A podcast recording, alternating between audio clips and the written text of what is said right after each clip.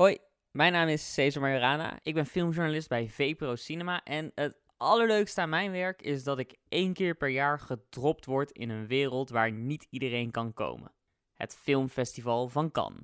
De plek waar de grootste sterren uit de filmindustrie hun nieuwste werk presenteren aan elkaar en de wereldpers. Je kunt er ook miljoenendeals sluiten voor je volgende film en er zijn Hollywoodsterren op Hollywoodfeestjes met hun Hollywoodboten en Hollywood champagne. En tussen al dat gedoe maak ik dit jaar een nieuwe podcast. Op de vijfde rij in Cannes. Zo gaat het heten. Want wie film zegt, zegt Filmfestival van Cannes. Hier worden carrières gemaakt, gebroken en herboren.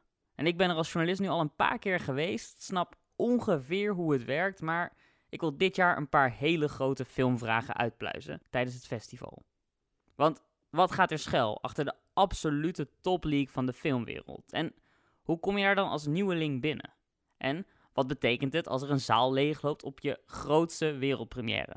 Ik ga op zoek naar problemen en antwoorden in deze podcastreeks die tijdens het festival gemaakt wordt en verschijnt. Ik neem je mee bij vroege zakenmeetings en wereldpremières. En ja, wat je nu hoort is een aankondiging, een teaser, hoe dat heet. Maar op de vijfde rij verschijnt op zijn eigen podcastkanaal. Betekent dus niet dat je hem hier gaat vinden in de VPRO Cinema podcast, maar je moet je abonneren. En dat doe je bij Op de Vijfde Rij. Zoek hem op in je podcast app, dan komt de allereerste aflevering vanzelf binnenrollen.